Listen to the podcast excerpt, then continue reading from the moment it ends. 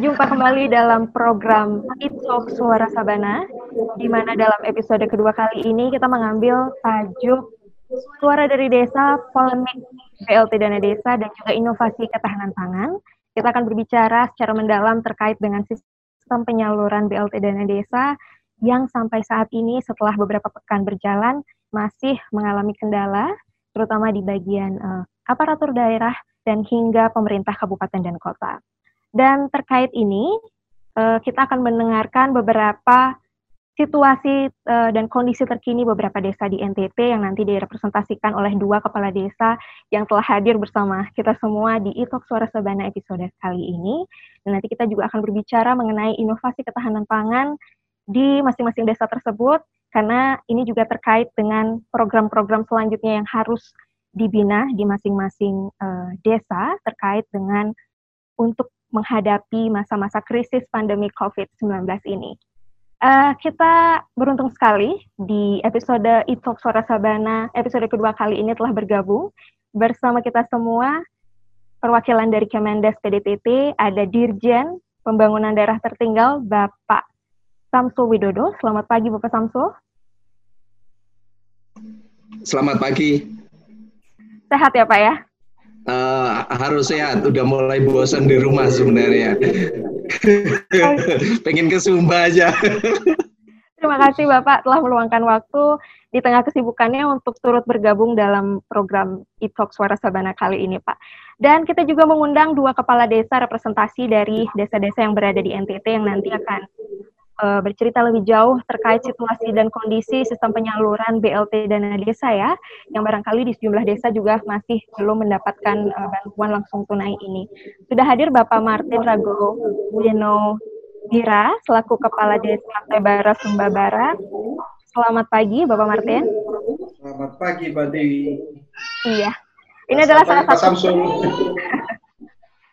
Iya, terima kasih Bapak Martin. Bapak Martin ini adalah salah satu kepala desa yang berprestasi juga, telah mengantarkan desa Tebara sebagai satu desa yang mendapatkan predikat desa terbaik nasional tahun 2018 lalu ya Pak ya, untuk kategori pengelolaan keuangan, aset, dan juga inovasi desa. Nanti kita akan berbicara lebih jauh, karena bukan hanya desa wisata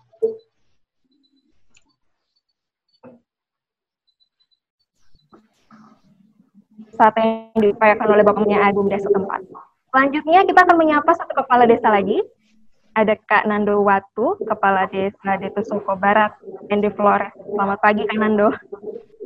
Selamat pagi, selamat pagi Pak Samsu, Billy, dan selamat pagi.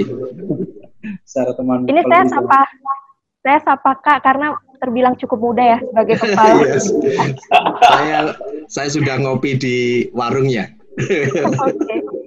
Iya, tapi di usia di usia muda ini pasti ada beberapa gebrakan inovatif juga yang sebenarnya telah dilakukan oleh Kanando sebagai kepala desa gitu. Terbukti ada satu program yang berjalan cukup baik juga kak ya dengan uh, Detu Soko Barat sebagai penyangga Kelimutu, kemudian ada program Ekoturism, Detu Soko Ekoturism yang telah berjalan dengan cukup baik juga. Dan ini barangkali nanti juga akan menurun jadi program ketahanan pangan dengan pertanian agrikultur atau hortikultur yang kakak canangkan juga di Detu Soko Barat. Nanti kita akan mendengar cerita lebih jauh dari Tebara maupun Detu Soko Barat, tapi sebelumnya kita akan mendengarkan kata pengantar dari CEO Sumba TV Kak Herman Umbubili yang juga telah bergabung bersama kita pada pagi hari ini terkait dengan episode kedua Italk Suara Sabana hari ini. Silakan Kak. Baik, terima kasih uh, host kita si Son Dewi. Terima kasih Pak Samsul Widodo, Pak Dirjen sudah bersedia hadir Sama-sama. sebagai tamu di Itol Suara Sabana. Terima kasih dua sahabat saya, Kakak Martin, Kakak Nando, sudah juga bersedia hadir sebagai narasumber. Nah, jadi uh, program e-talk ini Pak Dirjen adalah program uh, kita ingin terus berproduksi, terus ingin produktif di masa pandemi COVID. Jadi walaupun kita tidak bisa melakukan proses syuting di lapangan, tetapi kita ingin juga tetap berkontribusi memberikan uh, sesuatu kepada masyarakat umum, khususnya masyarakat di Sumba, di NTT, di timur Indonesia, dan tentunya ini semua juga untuk Indonesia. Nah, kami melihat khusus untuk episode kali ini, kami melihat ada sedikit polemik soal dana desa di masyarakat dan terkadang menimbulkan miskomunikasi di antara kepala desa dengan masyarakatnya. Nah ini yang saya harapkan nanti Kakak Martin, Kakak Nando, dan dengan uh, Pak Samsul bisa berdiskusi, berdialog agar uh, hasil diskusi kita kita tayangkan kemudian bisa dilihat juga oleh masyarakat lebih banyak. Lalu kedua, kami mengapresiasi langkah BUMDes di Desa Tebara, di Desa Detusuku Barat, mampu bereksplorasi, mengamankan cadangan pangan untuk masyarakat desa, bahkan hingga satu tahun. Ini kan luar biasa. Juga lapak desa dapur kita yang terkoneksi dengan sistem penjualan online. Ini kan menarik sekali, apalagi kalau dari timur Indonesia ini sesuatu yang menarik. Nah, saya rasa itu topik yang bisa kita gali. Saya yakin nanti uh, akan lebih berkembang lagi. Saya ucapkan terima kasih Pak Dirjen, Pak Samsul Widodo, Kakak Martin, uh, Kepala Desa Tebara, Sumba Barat, dan Kakak Nando, Kepala Desa Detosoko Barat, Ende Flores. Semoga diskusi kita akan menginspirasi teman-teman kepala desa yang lain dan membuat masyarakat juga paham situasi yang sedang kita hadapi bersama. Saya rasa itu saya kembalikan ke Siswan Dewi. Terima kasih. Baik, terima kasih Kak Umu Billy. Dan ini memang terkait dengan polemik BLT dana desa ya yang masih juga terjadi seperti itu bisa terkait dengan pendataan, terkait dengan kriteria calon penerima bantuan yang masih uh, simpang siur juga di antara aparatur desa dan juga pemerintah kabupaten dan kota yang barangkali sampai saat ini masih menghambat penyaluran BLT dana desa di beberapa desa.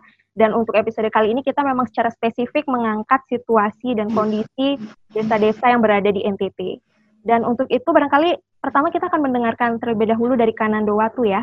Seperti apa situasi dan kondisi uh, sistem penyaluran BLT dana desa di Detu Soko Barat, Kak. Silakan.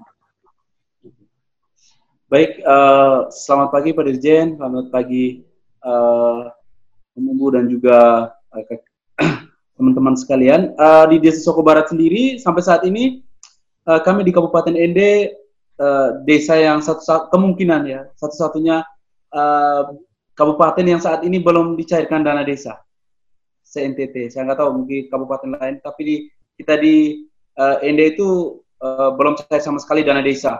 Lalu yang kedua, ini juga menimbulkan untuk kesulitan bagi kami. Saat ini kita melakukan pendataan sesuai dengan uh, instrumen dari uh, atas pembentukan relawan COVID, lalu pendataan dan lain sebagainya sudah jalan. Dan memang uh, mungkin saya bisa sampaikan di sini ada dua hal, baik secara dari dalam maupun dari luar. Kalau dari dalam sendiri, kita dari desa, kita secara pendataan kita lakukan, tetapi ada beberapa kesulitan. Uh, Pak Samsul, kita di sini terkait dengan kriteria, kriteria-kriteria uh, mana yang harus sesuai dengan uh, peraturan menteri maupun turunannya dalam bentuk perbuk. Misalnya ada persoalannya adalah di kita di masyarakat, ada kakak yang belum memiliki uh, keluarga yang belum memiliki kartu keluarga atau yang uh, tidak terdaftar itu seperti apa? Apakah mereka diakomodir? Kalau dasarnya harus sesuai dengan administrasi, kartu keluarga atau juga mungkin NIK, itu seperti apa untuk uh, masyarakat kita? Lalu yang kedua, penentuan ada yang guru-guru ini kategorinya seperti apa? Kadang juga uh, agak sedikit polemik kita di tingkat bawah terkait dengan guru-guru. Uh, misalnya mereka guru kontrak oke okay, sesuai dengan uh, syarat kita tidak masukkan tetapi dengan guru honor itu seperti apa? Untuk guru-guru honor. Apakah guru honor yang komite lalu juga ada yang mungkin uh, secara penghasilan mereka di bawah 600 ribu.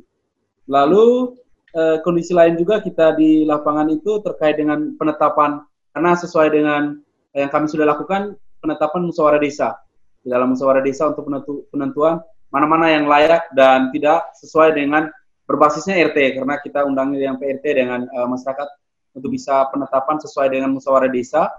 Lalu yang menjadi kesulitan itu adalah kita di desa sendiri uh, sudah melakukan pendataan dan juga persiapan penetapan dan uh, saat ini kita selain dari dana desa bantuan sosial melalui Kementerian Sosial itu malah sudah lebih dulu. Itu sudah kita terima. Sudah kita terima.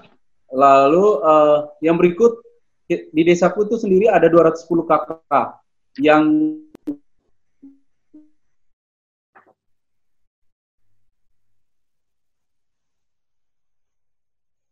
ada yang dari 80-an kakak lebih, dan ditambah dengan mereka yang PKH, penerima bantuan sembako non tunai, tambah dengan yang mereka yang KIS, dan itu sudah total itu sudah 100 lebih. Jadi untuk akan dialirkan ke dana desa itu sekitar 50-an kakak yang belum.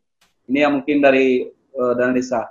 Lalu di, di pemerintahan kita di tingkat kabupaten juga ada agenda akan ada sumber anggaran juga untuk bantuan kita di desa melalui APBD 1 dan APBD 2. Nah, yang uh, kita juga kadang bingung supaya orang tidak mendapat pendobelan. Makanya kemarin uh, ketika mau usulkan untuk ke APBD 1 APBD 2 saya masih rem. Datanya saya tidak masukkan karena jangan sampai tersalah ini padahal ada kuota untuk dana desa minimal di bawah 800 juta karena kami uh, kebesaran hanya 600 juta lebih itu 15 sampai 25 persen. Nah ini yang kita lagi coba uh, pikirkan. Lalu bagaimana dengan aparat desa yang misalnya kepala dusun dan BPD yang di dalam anggaran kita itu di bawah 600 ribu. Apakah mereka layak tidak untuk menerima bantuan uh, dari desa ini? Ini yang mungkin nanti Pak Samsul minta informasi. Memang secara regulasi itu di luar aparat pemerintah ya. Tapi untuk kepala dusun seperti apa? Dengan BPD juga. Nah itu. Lalu kondisi lain itu adalah sesuai dengan kriteria kami kesulitan Pak di sini yang mereka kehilangan pekerjaan karena kami mayoritasnya petani. Petani tidak mengalami kehilangan pekerjaan, tetapi uh, di sini mengalami penurunan penghasilan.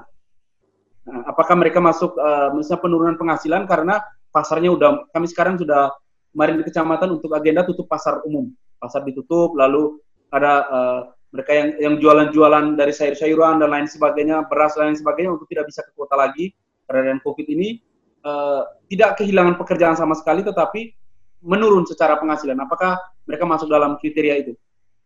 Lalu yang kedua uh, itu dari dari internal, yang dari eksternal itu dari kabupaten. Saat ini mentok diregulasi kami. Sampai saat ini uh, memang barusan keluar regulasi terkait dengan uh, peraturan bupati tentang penyaluran BLT ini.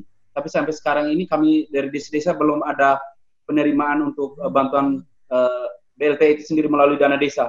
Karena masih uh, kebanyakan urusan-urusan administrasi. Karena di desa juga kami saat ini ada yang belum selesai dokumen RPJMDes-nya, lalu ada juga yang RKP-nya secara administrasi di tingkat lokal. Jadi ini yang memandek sehingga belum bisa dicairkan dana desa. Nah ini seperti apa kebijakan yang lebih level atas. Uh, jangan sampai COVID ini sudah lewat, dananya baru cair. Mungkin itu saja untuk sementara. Oke, okay. baik. Mungkin bisa langsung ditanggapi oleh Pak Samsul selaku perwakilan uh, dari Kemendak. Ya, terima kasih uh, Dewi, uh, Mas Billy, CEO Sumba TV, uh, uh, Mas Martin. Saya pikir saya yang paling tua, uh, Mas Nando uh, dan seluruh pemirsa uh, Sumba TV uh, di mana pun uh, berada. Uh, saya sampaikan secara prinsip gitu ya, nanti secara prinsip. Jadi ini menarik yang disampaikan oleh Mas Nando tadi. Jadi eh, pada saat kita diumumkan bahwa kita darurat nasional mengenai eh, pandemi COVID-19 ini, ada perubahan kebijakan. Jadi tadinya dana desa digunakan melalui Permen Desa nomor Peraturan Menteri Desa nomor 11 tahun 2019. Saya yakin seluruh kepala desa uh, uh, pasti udah tahu itu. Kalau misalnya belum, nanti kami akan uh, kirimkan ke redaksi uh, Sumba TV supaya bisa disebarkan. Nah, setelah ada uh, kebijakan bahwa kita uh, darurat nasional karena ada pandemi COVID, uh, COVID-19, akhirnya ada perubahan kebijakan. Jadi terus terang kami sampaikan ke seluruh kepala desa, ada banyak kepala desa yang sudah selesai APBDes-nya. Jadi aduh ini mesti kita revisi lagi gitu ya. Jadi terus terang ini memang bencana nasional non alam. Jadi kita kita tidak pernah menyangka akan seperti ini. Jadi tentunya uh, mohon bisa dimaklumi. Kebijakan pertama itu kan kebijakan pertama waktu itu dikeluarkan melalui instruksi menteri kan gitu. Yaitu uh, dana desa bisa digunakan untuk pencegahan COVID-19. Jadi pencegahan COVID-19 ini uh, mulai dari membentuk uh, relawan desa untuk uh, pencegahan COVID-19, bikin untuk membeli hand sanitizer dibagikan ke seluruh desa, beli masker. Jadi desa seharusnya tidak kesulitan masker karena dana desa bisa dipakai beli. Uh, bikin penyemprotan desinfektan ke seluruh area publik, ke rumah adat, ke balai desa, ke gereja, itu pakai dana desa. Dan dari data secara nasional rata-rata hanya 10 sampai 15 persen yang terpakai untuk pencegahan COVID-19. Jadi nanti uh, kami ingin dengar juga dari Mas Nando dan uh, Mas Martin. Uh, berikutnya adalah di instruksi menteri itu kita harus melakukan padat karya tunai desa. Padat karya tunai desa ini supaya mereka yang penghasilannya menurun atau kehilangan pekerjaan, gitu kan, itu mereka bisa bekerja melalui proyek-proyek padat karya tunai dana desa. Jadi misalnya padat karya tunai dana desa ini bisa dipakai untuk memperbaiki saluran air atau me, me, merawat uh, embung misalnya. Di NTT banyak embung misalnya. Uh, untuk menggali embung yang sudah dangkal untuk bisa agak lebih dalam lagi dan sebagainya dan dilakukan tidak pakai backhoe atau traktor gitu kan tapi pakai bukan pakai alat berat pakainya adalah manusia dengan cangkul tetapi tetap harus memperhatikan protokol COVID-19, jaga jarak, pakai masker dan sebagainya. Itu kan. Jadi jadi itu. Nah, uh, setelah itu kan gitu. Ada yang sudah merevisi APBD. APBDs mereka direvisi, merubah itu ada dua kegiatan itu. Terus ada instruksi lagi dari presiden dana desa bisa dipakai untuk BLT dana desa, bantuan langsung tunai dana desa kepala desa merevisi lagi untuk menambah itu. Jadi saya kami kami sangat paham uh, apa yang terjadi di lapangan karena itu menyangkut mengenai akuntabilitas administrasinya. Jadi BLT dana desa. Nah, BLT dana desa ini selama tiga bulan, 600 ribu selama tiga bulan.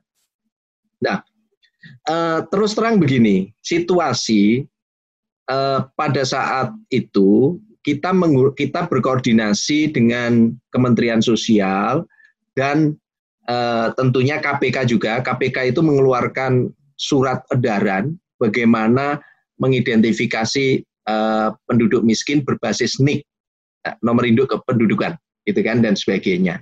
Sehingga apa yang dilakukan oleh Kemensos adalah harus segera uh, mengupdate, memperbarui data DTKS data terpadu kesejahteraan sosial. Jadi mungkin nanti kami juga butuh responnya. Nah, itu dikoordinasikan oleh dinas sosial di kabupaten. Jadi, lah, faktanya yang terjadi banyak DTKS yang belum update. Ada yang sudah yang baru diupdate tahun 2014, 2015. Jadi bahkan ada beberapa kasus orang yang sudah meninggal masih dapat eh, PKH ada yang mereka sudah tidak penduduk di situ, ada yang penduduk baru miskin malah nggak kedata. Jadi ada kerumitan di situ. Nah, kami e, mensikapinya adalah yang paling penting adalah tidak double. Jadi itu Mas Nando, tidak double. Itu yang paling penting. Nah, terus kita mengeluarkan peraturan bahwa semua pengambilan keputusan siapa yang miskin 14 kriteria DTKS itu yang diedarkan itu adalah sebagai referensi, sebagai referensi. Tetapi itu tidak harga mati. Jadi diserahkan kepada musyawarah desa siapa yang paling miskin. Jadi ambilnya dari bawah. Ambilnya dari bawah. Makanya sebenarnya di metode penghitungan ini ini menggunakan angka maksimal yang dana desanya sampai dengan 800 ribu, maksimal 25 persen. Dana desa yang 800 sampai 1,2 maksimal 30 persen, yang lebih dari 1,2 maksimal 35 persen. Artinya apa? Tidak mengatakan minimal. Jadi ini maksimal. Kalau desa itu ternyata tidak perlu BLT dana desa, ya nggak harus dibagikan. Berarti kalau tidak harus, berarti peraturan Menteri Desa nomor 11 tahun 2019 masih berlaku. Normal seperti biasa. Gitu kan? Jadi jangan terus kejar ini, tidak. Kalau tidak dibutuhkan, tidak masalah. Kan gitu. Pengambilan keputusannya di mana? Pengambilan keputusan dimulai dari RT. Jadi kalau Mas Nando eh, kakaknya itu 221 ya, 221 ya kan? Ya seorang kepala desa pasti hafal lah. Siapa sih yang layak, siapa yang miskin, kan gitu. Pasti hafal. Dan orang desa juga udah tahu, gitu kan. Jadi ini kita berbicara normatif. Semua didata berbasiskan RT atau berbasiskan dusun. Ya kan? Jadi berbasiskan RT, berbasiskan dusun. Nah, jadi itu. Nah, pengambilan keputusan tertinggi itu ada di musyawarah desa. Pengambilan keputusan tertinggi. Musyawarah desa diserahkan ke bupati untuk dilakukan pengesahan dan dipadu padankan. Jadi disinkronisasi dengan data yang lain supaya menjaga tidak bentrok. Terakhir sebelum lebaran nih, lebaran kan besok, keluar instruksi menteri, kalau sudah data itu diserahkan ke kabupaten dan sudah lewat lima hari, tidak harus menunggu lima hari pengesahan dari kabupaten, BLT dana desa bisa dicairkan. Nah, nanti ini kami juga ingin dapat informasi apakah Mas Nando, Mas Martin itu sudah mendapatkan instruksi menteri itu tertulis kan gitu nanti kami berikan. Di situ dinyatakan gitu kan, bahkan pemberitaan-pemberitaannya, bahkan nanti kalau perlu saat uh, link channel YouTube-nya, gitu kan. Kemarin saya kirim juga ke Mas uh, Billy gitu ya. Kalau nanti perlu channel yang lain kami berikan gitu kan. Nah, itu bisa dicairkan tidak menunggu pengesahan karena perintah presiden kan jelas. Jangan berbelit-belit, dipermudah. Tapi tetap akuntabilitasnya bisa dipertahankan. Jadi artinya caranya bagaimana? Kalau mau sedikit sabar, umumkan kan gitu. Diumumkan di gereja, di balai desa, di warung, di apa mengenai daftar penerima BLT. BLT Kementerian Sosial, BLT Kabupaten, BLT Provinsi atau kalau ada plus dana desa minta kepada orang desa beri waktu. Kami kasih waktu dua hari atau tiga hari kalau ada yang komplain. Kan gitu, untuk menjaga akuntabilitas. Ini yang kita takutkan adalah konflik sosial. Walaupun sebenarnya minimal. Gitu loh. Nah, kalau ini proses melalui ya kepala dusun ataupun RT ya udah tahu lah siapa yang miskin. Nah, terus bagaimana dengan NIK? asal alamatnya jelas, ya kan? Alamatnya jelas, keluarganya jelas, itu bisa mendapatkan tanpa harus punya nik. Karena nik ini persoalan tersendiri gitu loh. Jadi itu bisa mendapatkan. Jadi misalnya begini, ada orang dari Tebara yang dia tadinya merantau di Jakarta. Ya kan? di Jakarta nggak punya pekerjaan daripada menjadi gelandangan dia pulang ke desa boleh nggak dia dapat dia boleh dapat diurutkan paling menderita bahkan sebenarnya dana desa itu diletakkan di musyawarah desa untuk mengambil keputusan tapi tetap pengambilan keputusan ini dengan niat baik jadi bukan niat jelek niat baik jadi kalau misalnya nanti ada uh, orang datang, gitu kan, mereka yang tadinya uh, tenaga kerja di Malaysia, dia pulang karena memang di sana sudah tidak ada pekerjaan lagi, terus mereka harus karantina, siapa yang harus ngasih makan? Dana desa bisa dipakai untuk menyediakan makan mereka. Termasuk kalau misalnya mereka harus dikarantina mandiri, 14 hari, terus di desa itu ada sekolahan ataupun PAUD atau balai desa diskat, dibuat bilik-bilik, bisa pakai dana desa. Jadi sebenarnya ini persepsi kami, bukan persepsi, ini yang dinyatakan oleh Pak Menteri kan gitu. Nanti di desa responnya seperti apa gitu kan. Jadi jangan sampai, pokoknya akutabilitasnya ada di level itu. Jadi uh, bagaimana dengan jadi gini, kalau dilihat dari sisi guru, dilihat dari sisi kepala dusun, gitu kan, eh, tidak mudah gitu ya Mas Nando. Saya paham betul. Tetapi kan sebenarnya letakkan itu di musyawarah desa untuk mengambil keputusan. Jadi hal-hal khusus seperti itu diberi penjelasan, dibuatkan berita acara. Dan harus ada buktinya, kan gitu.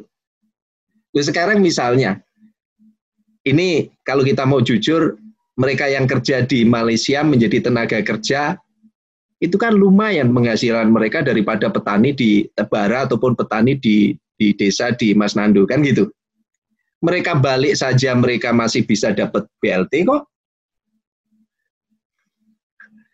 Sama dengan tukang ojek. Jadi itu, tetapi harus didekatkan dengan akutabilitas. Jadi jangan dilihat dari sisi, wah ini guru, kan gitu. kan gitu, kalau gurunya guru pegawai negeri, ya gajinya lumayan lah. Tapi kalau guru honorer, kalau saya lihat eh, guru-guru di sekolah uh, yang dimiliki gereja mereka kadang hanya karena mungkin hanya uang transport 200 ribu ataupun guru di sekolah-sekolah madrasah gitu ya di Jawa atau apa mereka kadang hanya dibeli sembako dan sebagainya kan gitu jadi diletakkan pada musyawarah desa untuk kasus-kasus khusus yang mempunyai potensi konflik dibuat penjelasan tapi yang paling penting kepala desa itu meletakkan pengambilan keputusan di musyawarah desa dengan koridor yang ada. Walaupun ambil keputusannya di musyawarah desa, tetapi kalau nanti BLT atau bansosnya dibagi rata, itu juga nggak boleh, Pak. 600 ribu jadi 300 itu juga nggak boleh, itu kan. Tapi pendataan itu diletakkan di musyawarah desa. Gitu kan Mas Nandu. Jadi memang ini kalau dilihat dari sisi ini, ini bisa rawan konflik Pak. Jadi makanya sebenarnya kita coba tenangkan masyarakat, tetapi yang penting yang musyawarah desa itu kalau perlu musyawarah desanya dua tiga kali mereka tanda tangan absen, ibu-ibu yang hadir juga absen dan sebagainya bahwa musyawarah desa itu sebagai tempat pengambilan keputusan tertinggi. Jadi kenapa Pak Menteri Desa mengeluarkan instruksi menteri kalau data penerima BLT dana desa itu sudah diserahkan ke kabupaten dan sudah lewat lima hari, tidak nunggu pengesahan, cairkan. Karena mau meletakkan musyawarah desa sebagai pusat pengambilan tempat pengambilan keputusan tertinggi. Saya tidak mau cerita nanti eh, daerah-daerah yang sedang pilkada, daerah-daerah yang punya sisa-sisa pemilihan kepala desa. Saya nggak mau bahas dulu di Sumba TV. itu, aduh, itu kan, itu ya ada, selalu ada Pak. Jadi tolong bisa diselesaikan dan dikelola dengan baik. Musyawarah desa, keputusan di publik, itu kan koridornya jelas. Jadi itu, jadi uh, saya rasa itu. Uh, nanti kalau mengenai itu yang dana desa BLT ya kan? Dana desa BLT. Tapi syarat-syarat misalnya APBDes mereka harus sudah revisi, RPJMDes itu itu nggak bisa kami shortcut Pak. Jadi tetap itu harus segera diselesaikan. Dan kalau misalnya ada kesulitan komunikasi dengan pendamping desa, kalau ada kesulitan lagi, eh, Dewi punya nomor telepon saya. Kalau nggak salah, Mas Martin saya punya nomor teleponnya juga, eh, eh, Mas Billy juga punya nomor saya bisa kontak saya. Nanti saya akan bantu untuk komunikasi ke pihak-pihak dan pokoknya kalau ada kesulitan kasih tahu saya, gitu kan. Nah, mengenai ketahanan pangan, saya paling seneng dengan ketahanan pangan ini karena gini, orang tua saya petani, jadi saya merasakan dulu eh, ikut bapak saya, ikut kakek saya. Bapak saya nggak pernah melakukan karena eh, biasanya orang tua yang melakukan. Kakek saya untuk mereka bikin upacara Dewi Sri kan gitu uh, dewa padi kan gitu. Terus bawa telur uang 100 rupiah ada uh, makanan-makanan kecil untuk upacara memetik pertama. Dan biasanya anak-anak kecil tuh rame puluhan ngikutin karena rebutan telur rebutan itu dan sebagainya. Uh, setelah panen uh, padi yang dipetik pertama kali itu di di di apa ya di kayak rambut di kelabang itu apa namanya uh, itu ditaruh di lumbung di rumah. Jadi lumbungnya dari bambu, dari anyaman bambu dan sebagainya. Nah, sekarang pemerintah eh, sejak ada bulog kita tidak punya lumbung karena kalau ada kekurangan pangan bulog yang ambil alih. Tapi faktanya bulog itu hanya menyerap 7 persen, Pak. Saya melihat NTT masih banyak lumbung-lumbung desa, lumbung-lumbung pribadi dan sebagainya. Nah, terus terang begini, ini yang menarik. Kalau misalnya dana desa dipakai untuk revitalisasi lumbung desa, boleh atau tidak? Itu boleh, Pak. Dan itu keren banget. Gitu kan. Jadi digerakkan itu. Nah, itu kalau kita bicara mengenai penyimpanan. Tetapi kalau bicara mengenai penanaman, di NTT ini tanahnya luas, itu saya kadang berpikir kalau saya keliling ke sana ini kalau didatangkan orang dari Wonosobo ini tanah ini udah dicangkulin semua, Pak lah tradisi itu tidak ada gitu kan. Ini beda tradisi gitu. Kalau datangkan orang Wonosobo 20 itu wah itu dicangkulin tanam jagung, tanam macam-macam dan sebagainya. Kadang saya berpikir program transmigrasi dulu gitu ya. Kadang memang kontroversi itu itu bagus. Nah, jadi kepala desa misalnya ada ada tanah-tanah desa yang cukup luas, kenapa enggak dibuat menjadi program padat karya ketahanan pangan? Beli cangkul, beli bibit, tanam. Kalau itu nanti tanam tanaman desa, eh, eh, tanah desa berarti penghasilan masuk desa. Kalau itu tanah penduduk bisa diatur bagi hasil. Berapa persen yang masuk desa, tapi modalin semua dari desa. Dan semua pengambilan keputusan harus di musyawarah desa. Jadi jangan sampai ah ini Pak Martin ini saudaranya sendiri yang dikasih bibit kan gitu. Jangan sampai ada kesan seperti itu. Ini Mas Nando uh, ini keluarga-keluarga dekatnya, jangan sampai ada kesan itu. Lah, ini yang sebenarnya bagaimana petani makan dari tanah mereka sendiri. Kalau lebih baru dijual. Tetapi yang harus selalu saya ingatkan, stunting Pak, NTT tinggi. Jadi jangan sampai teman-teman kepala desa ini sibuk hanya COVID-19. Stunting ini sudah jelas korbannya demam berdarah sudah jelas korbannya, stunting.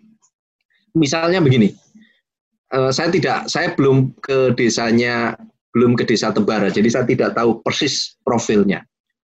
Ada di situ peternakan ayam, gitu kan? Penduduk punya, jadi pasti banyak dia ayam dan sebagainya. Bagaimana dana desa? Beli ayam mereka, Pak. Kalau mereka punya kolam ikan, beli ikan dari mereka, bagikan ke penduduk-penduduk yang kira-kira punya potensi stunting, pakai dana desa. Dan itu boleh. Jadi misalnya anak-anak itu ada program anak NTT harus makan ikan atau ayam atau telur sehari satu.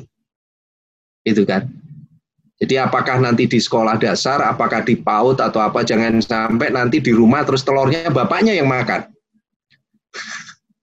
atau di Flores banyak menghasilkan madu, beli madu dari mereka, dari masyarakat sendiri, bagikan. Tapi perlu diingat, konsultasi dengan ahli gizi katanya kalau anak kecil ada ukurannya untuk minum madu. Misalnya saya lihat di Lembata menghasilkan ikan ikan teri. Kenapa nggak kerjasama antar desa? Mas Billy bisa bantu untuk komunikasi antar desa mereka punya apa, beli, bagikan ke penduduk miskin. Tapi atas nama stunting. Ibu hamil, anak bayi yang belum berumur 2 tahun, kasih makan telur, Pak. Kasih makan telur. Saya sudah ke Lamalera, Pak. Saya uh, duduk di situ di rumah adat, kan ada rumah adat di situ, karena kebetulan saya diantar Pak Asisten Daerah ketemu, gitu kan, itu keluarganya saya melihat rumahnya di depan eh, di depan sorry di depan pantai yang tempat nangkap paus itu tokoh nasional eh, eh Pak Goris Kraft kalau nggak salah. Saya merenung Pak dengan kondisi seperti itu ya tahu lama dari Lembata ke Lamalera saya berangkat jam 5 pagi. Itu kok ada orang pinter begini apa? Rahasianya adalah mereka minum uh, minyak ikan paus Walaupun saya disuguhin ikan paus, saya disuguhin ikan lumba-lumba, saya nggak bisa makan, Pak. Jadi saya nggak tega. Jadi saya bilang, aduh nggak bisa nelen. Jadi saya makan nasi jagung dan daun kelor, sayur kelor gitu. Jadi saya nggak bisa makan, Pak. Jadi walaupun saya, aduh, dan kebetulan ada paus waktu itu ditangkap. Jadi saya berangkat ke sana, habis itu saya ke ke pasar Doni, pasar yang barter itu. Saya, saya, waduh, saya menikmati, gitu kan. Saya kena kekeo, lihat tinju tradisional juga dan sebagainya, saya menikmati. Nah, jadi ini yang jangan dilupakan Posyandu eh, Mas Martin, Mas Nando, dan seluruh kepala desa. Karena apa? Sumba, NTT, ini jangan sampai kita 15 tahun lagi kita ketemu anak-anak stunting yang mereka otaknya hanya mampu tumbuh sampai SMP. Setelah itu mereka akan jadi beban negara karena mereka tidak produktif dari sekarang. Jadi kalau menurut saya suatu saat kita mesti bahas khusus uh, di uh, Sumba TV ini mengenai stunting. Dan banyak teknik yang sebenarnya murah. Hajar aja mereka kasih ayam, telur, atau ikan. Dana desa bisa untuk itu. Dan nggak mahal, coba dihitung-hitung, nggak nggak mengambil nggak mengambil uh, apa uh, uang cukup banyak. Tapi terus tetap harus dijaga uh, uh, physical distancing. Nanti saya dimarahin orang, tahu-tahu bikin posyandu uh, banyak orang gerombol, saya dimarahin. Tapi tetap physical distancing, protokol COVID-19-nya tetap. Jadi saya rasa itu gitu ya. Jadi uh, Pak, semua ada di desa Pak. Kalau kita bicara desa, di situ penduduk. Udah jelas itu. Jadi makanya tagline-nya, brandnya Kementerian Desa itu adalah mulai dari desa kita menciptakan generasi-generasi cerdas mulai dari desa. Gitu kan. Nah, sekarang itu nutrisi itu terbatas, Pak. Anak-anak itu makan itu adalah mereka yang dijual di warung. Kita kecil dulu nggak begini. Saya yakin Mas Mas Billy waktu kecil itu ke sawah ada keong ya dibakar kan gitu. Itu yang membuat Mas Billy punya ide membuat Sumba TV kan. Jangan-jangan itu memang nutrisinya dulu dari keong sawah sama saya juga begitu gitu kan. Nangkep burung pipit gitu kan. Bakar gitu kan.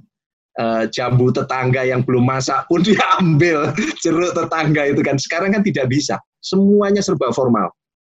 Jadi hampir sama makanan itu menjadi e, sumbernya hanya yang dijual di warung atau yang dijual di pasar yang dijual di toko.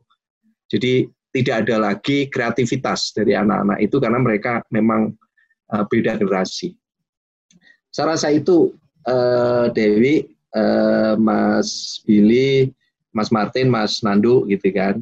Saya rasa saya sudah cukup banyak gitu kan menyampaikan dan meletakkan pada filosofinya gitu kan. Nah, administrasi disesuaikan. Jadi saya nggak mau bicara detail administrasi soal perubahan-perubahan bikin pusing kepala desa ini darurat nasional dan situasi juga berubah setiap saat.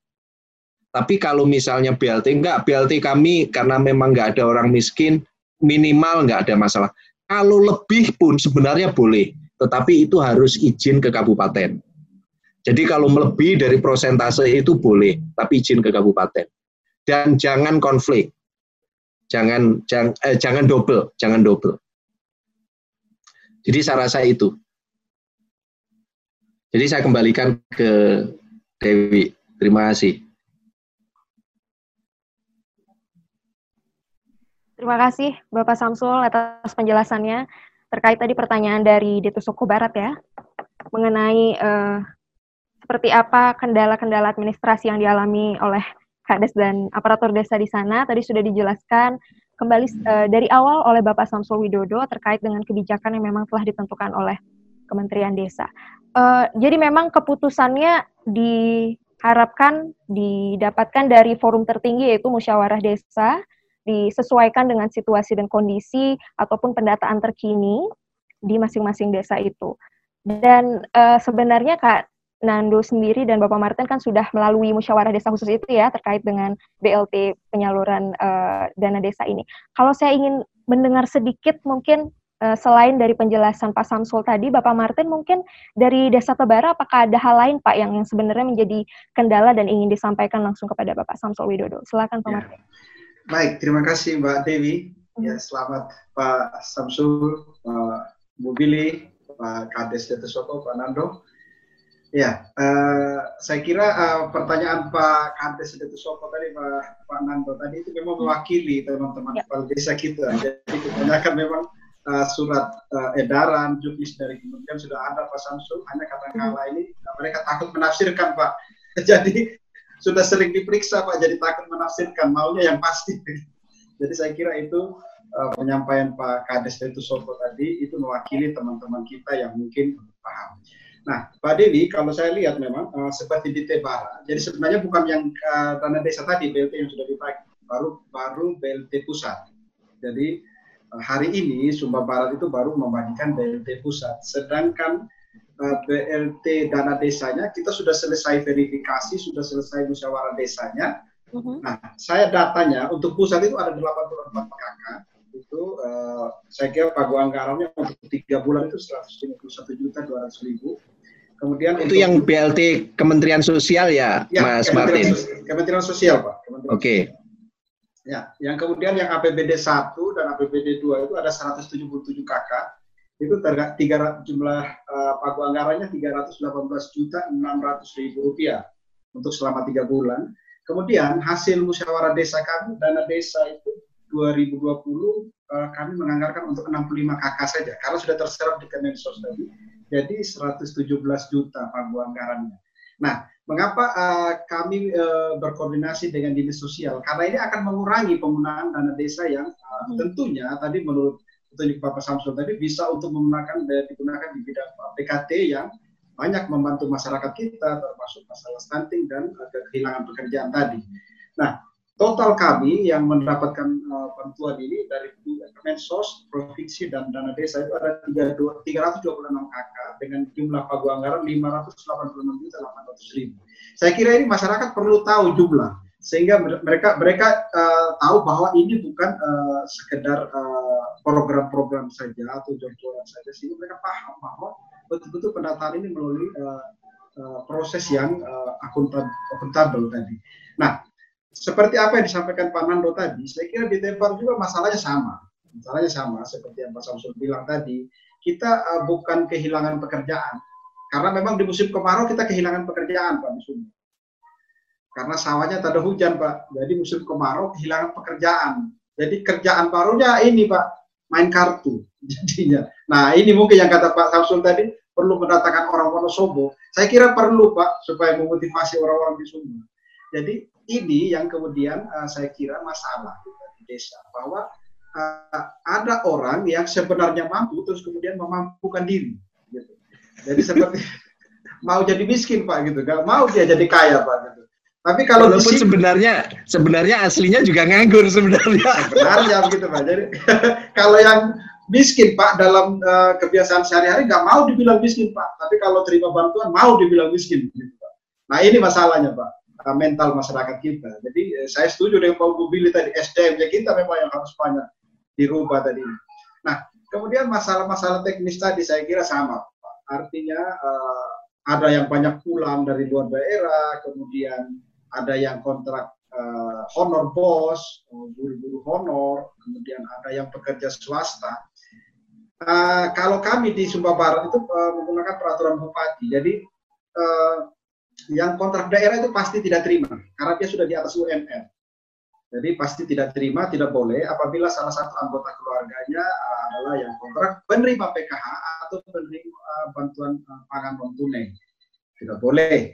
Tetapi kemudian uh, kami didampingi uh, oleh inspektorat kabupaten menjelaskan kepada kami bahwa jika ada dalam rumah itu yang anaknya kontrak daerah atau dia PNS. Tetapi ada orang tua yang kemudian sakitnya menahun, kemudian kronis. Nah, mereka memberi gambaran kepada kami bahwa mereka boleh menerima karena untuk keperluan sakit yang apa uh, si lansia tadi ini dia butuh biaya. Jadi mungkin ini tadi yang mungkin Pak Samsul bisa juga uh, elaborasi kami untuk kami minta pencerahannya. Nah, berikutnya untuk hal-hal lain Bapak, saya kira uh, apa yang sudah kami hasilkan itu sudah melalui proses yang sangat uh, apa step by step. Jadi kami betul-betul uh, berasal dari bawah, dari RT, dari uh, kemudian masuk ke kepala dusun, kemudian masuk ke apa musyawarah desa kami ini melalui uh, apa uh, proses yang sangat uh, proses yang sangat memang akuntabel. Jadi tidak ada memang uh, uh, karangannya ini maunya kepala desa oh ini keluarganya yang harus kena. Malah uh, sebenarnya banyak keluarga yang mampu mereka itu sudah terima uh, yang tidak mampu mereka sudah terima PKH dan bantuan pangan untuk jadi tidak bisa terima jadi harus fair kan gitu. Nah banyak masyarakat yang Pak kalau soal suara milik seperti kata Pak Samsu saya kira memang pasti ada Pak, tapi ya kalau semua didengar kan sakit kepala gitu Pak. Jadi tidak positif. Padahal ini pandemi ini membutuhkan kita ini imunnya kuat Pak. Jadi jangan uh, apa kalah dengan keadaan stres kan gitu. Nah berikutnya Pak, saya kira untuk PLT ini tidak terlalu menjadi masalah yang besar apabila memang uh, proses pendataan kita sudah melalui proses yang akuntabel tadi ya, ya betul-betul RT dan kepala dusun ini yang tahu masyarakatnya. Bahkan kepala desa kita juga seperti kata Bapak tadi hafal masyarakat itu mana sih yang betul-betul kan nggak perlu nanya pak. Itu miskin nggak kan begitu? Kalau kalau nanya gitu kan tersinggung pak. Gitu. jadi mungkin kita cukup saja duduk di rumah saja tahu pak oh ini sawahnya sekian hektar ini ini setengah hektar sawahnya ini kebunnya sekian penghasilannya sekian. Nah sudah bisa kita tentukan uh, berapa uh, apa uh, uh, apa apakah dia layak masuk dalam uh, penerima calon penerima bantuan BLT saya kira itu untuk yang BLT-nya, untuk politiknya. Jadi tidak terlalu banyak karena Pak Nando tadi sudah menyampaikan masalah-masalah yang ada di desa. Saya mungkin lebih masuk kepada uh, tadi yang Pak Samsul senang itu ketahanan pangan. Nah, ketahanan pangan tadi itu. Jadi saya lebih berpikir bagaimana setelah orang ini dapat bantuan. Kalau soal dapat bantuan saya kira enggak, tidak repot Pak. Orang setelah terima uang itu sudah selesai. Tetapi bagaimana setelah mereka terima uang? Bagaimana setelah bulan Juni? Bagaimana jika pandemi COVID-19 yang kita doakan segera cepat berakhir, siapa tahu akan berlanjut. Kita tidak berharap berlanjut. Tapi apa? Bila pandemi ini berlanjut, bagaimana kesiapan desa? Saya menyampaikan kepada Mbak Dewi waktu itu saya apa diskusi singkat. Bagaimana jika uh, di akhir-akhir tahun biasanya desa-desa ini sudah kehabisan dananya Pak, karena kejar anggaran habis. Kalau tidak silpa nanti begitu. Nah akhirnya uh, mereka tidak siap dengan keadaan yang terjadi di uh, akhir tahun biasanya, di akhir tahun anggaran. Apalagi Sumba ini, Sumba Timur baru uh, terkena dampak. Sudah tujuh orang positif di Sumba Timur. Dari NTT yang zero, Pak, dari NTT yang nol, apa zona hijau, sekarang sudah uh, tinggi sekali, sudah di atas 70-an yang uh, ter terkonfirmasi positif. Nah, kemudian kami di Tebar kemudian memunculkan uh, ide, mungkin seperti Pak Nando di Detu Soko tadi dengan uh, ide tadi itu apa uh, dapur hidupnya, kafe dapur hidup dan kemudian paket-paketnya yang dijual melalui media sosial tadi. Nah, kami di Tebar lebih melihat uh, seperti potensi di Tebar ini di Sumba rata-rata uh, masyarakat kita adalah petani, Pak. Mereka petani sawah yang saya bilang tadi setengah tahun, Pak, pada hujan tetapi sudah setengah tahun ini apa kerjanya mereka tidak pernah menikmati uh, hasil panennya mereka sendiri. Karena selalu dijual ke kota selalu dijual ke kota kemudian dia makannya beras murah pak. Ini lucu pak. Jadi ya waktu musim hujan pak dia pintar pilih bibit nah, waktu musim hujan dia pintar pilih bibit pak. Itu pilihnya yang bagus-bagus di R64 Ciheran ya Cigemis itu pak tetapi ketika makan, Pak, itu dia makannya beras murah, Pak. Iya. Iya, dia makannya beras murah. Makanya stunting, Pak. Makanya stunting ini. Ini ini salah satu efek stunting karena tidak ada lumbung desa, Pak. Nah, jadi berdasarkan keadaan itu, Pak, kami bersama teman-teman Bumdes, Bumdes IATK, kami memunculkan gagasan, kami bangunlah lumbung desa yang waktu itu masih banyak orang takut bangun lumbung. Jadi kami membangun lumbung desa di tahun 2018 dengan anggaran 325 juta. Banyak menjadi polemik, menjadi polemik Pak. Itu, itu dari dana desa? Dari dana desa Pak. Kami bangun lumbung desanya dari dana desa Pak. 325 Keren Pak, keren. Ya. Kemudian ini banyak polemik Pak. Uh, saya tambah gila lagi Pak. Saya bangun pasar desanya lagi Pak. Jadi 2018 itu saya bangun uh, pasar desanya, saya bangun lumbung desanya, saya bangun kampung adat Preijing Pak yang namanya Nah, karena menurut saya kalau desa tidak bergerak seperti ini, uh, tidak mungkin menunggu orang kabupaten, Pak, menunggu orang provinsi atau menunggu orang pusat. Sedangkan kita sudah dikasih dana desa. Terus kalau kita nonton saja, kita habiskan untuk kegiatan yang tidak produktif, suatu saat dana desa berhenti, kita akan kemudian tidak punya apa-apa lagi di desa. Itu awal pemikiran kami uh, tentang uh, bagaimana membangun lumbung desa dan membangun ketahanan pangan di desa. Pak. Dan ternyata memang uh, ini uh, berdampak sangat positif, Pak. Saya, kami tidak pernah menduga bahwa akan terjadi pandemi COVID-19, Pak. Begitu. Hanya kami punya pikiran waktu itu, kok ini masyarakat yang punya sawah, kok makannya beras murah. Termasuk saya pernah makan beras murah, Pak. Saya jual padi juga, Pak. Untuk untung sudah lewat masa ini, Pak. Jadi nggak stunting, Pak. Gitu.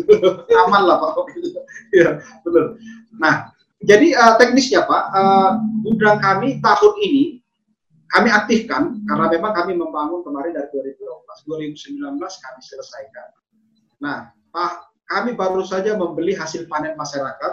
Itu di awal saja Pak, masyarakat itu mau menjual sampai satu orang itu 40 karung. Begitu.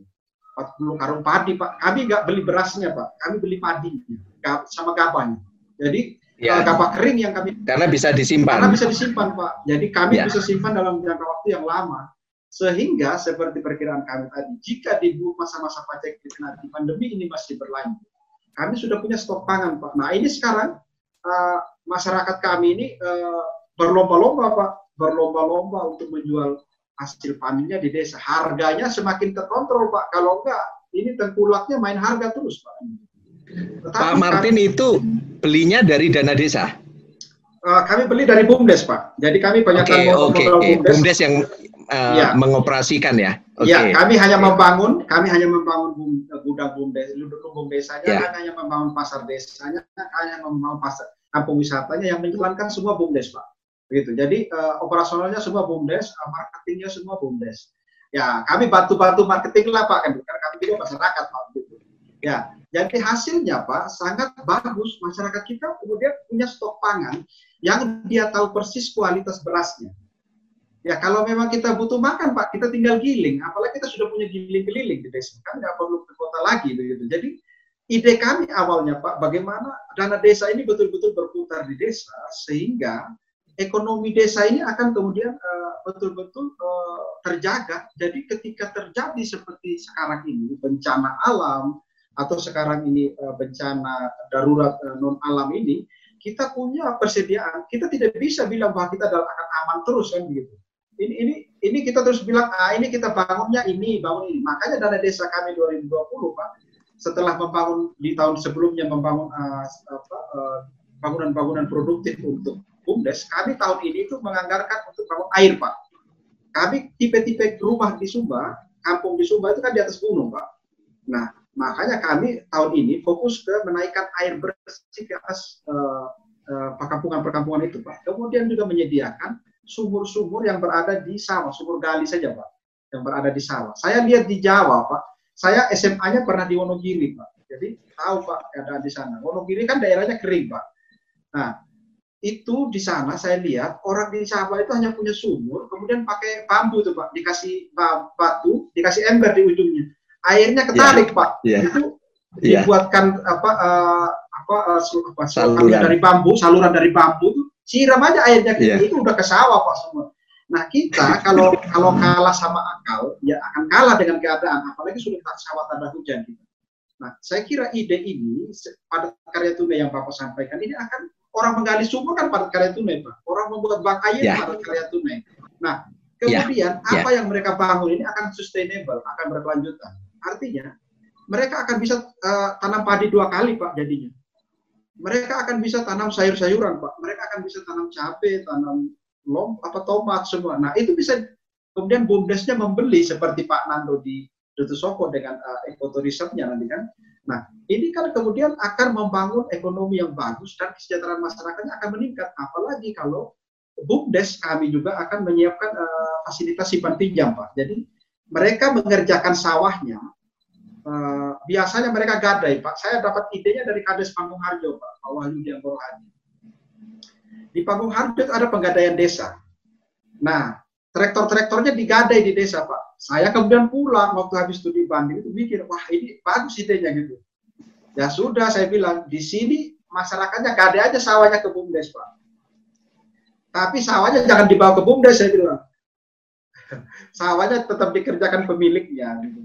Nah dia dia bayarnya. BUMDes yang modalin, BUMDes yang modalin. BUMDes yang modalin, dia dia dia angsurnya pakai padi Pak, pakai gabah kering dibawa ke gudang bumdes. Jadi dia ke uh, ekonomi yeah. keluarganya terjaga makannya. Tetapi kemudian desa juga betul, kemudian eh, betul. Bisa betul-betul membantu apa, masyarakatnya yang produktif ini.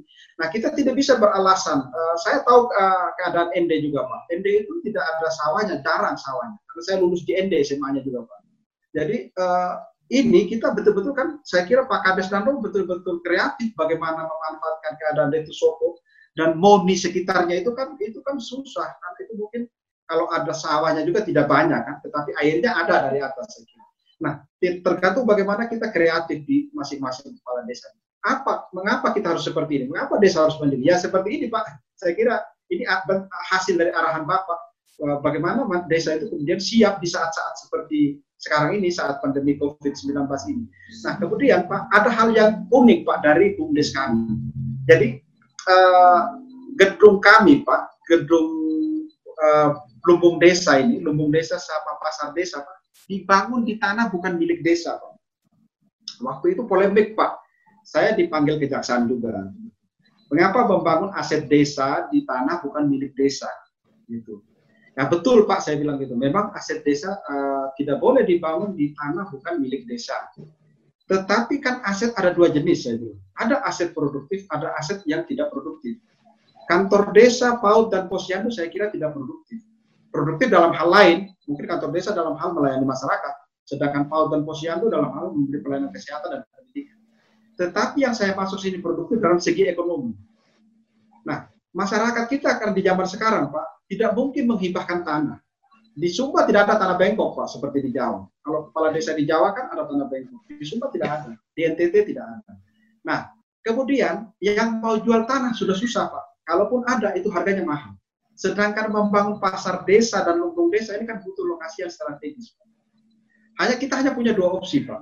Opsi si pemilik lahan itu ikut saham dengan kita bagi hasil, atau kita menyewa tetapi kemudian opsi bagi saham itu, bagi hasil atau saham itu kemudian merugikan si pemilik lahan, Pak. Apabila itu lahan produktif, contohnya sawah.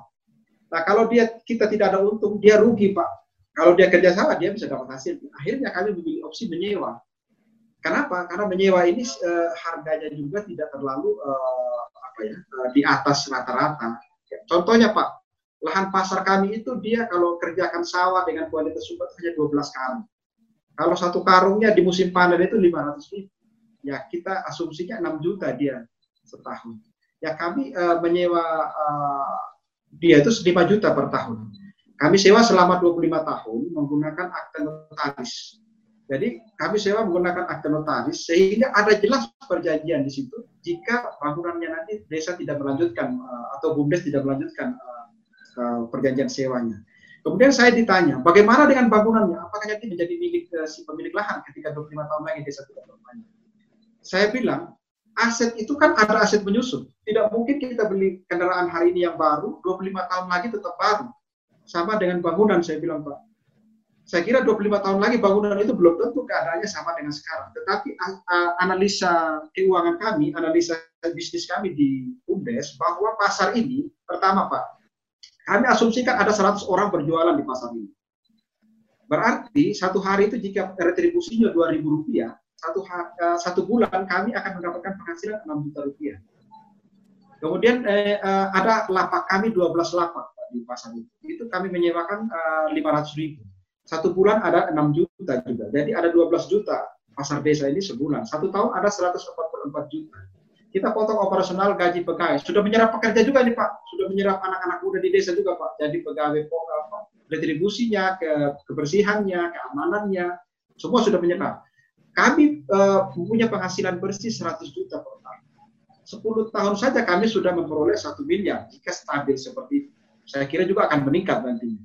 Nah, satu miliar biaya bangun kami berapa kan gitu? Itu tidak sampai 300 juta Kemudian biaya sewa kami kan sudah kami hitung. Sampai dengan 25 tahun hanya menghabiskan minimal 125 juta.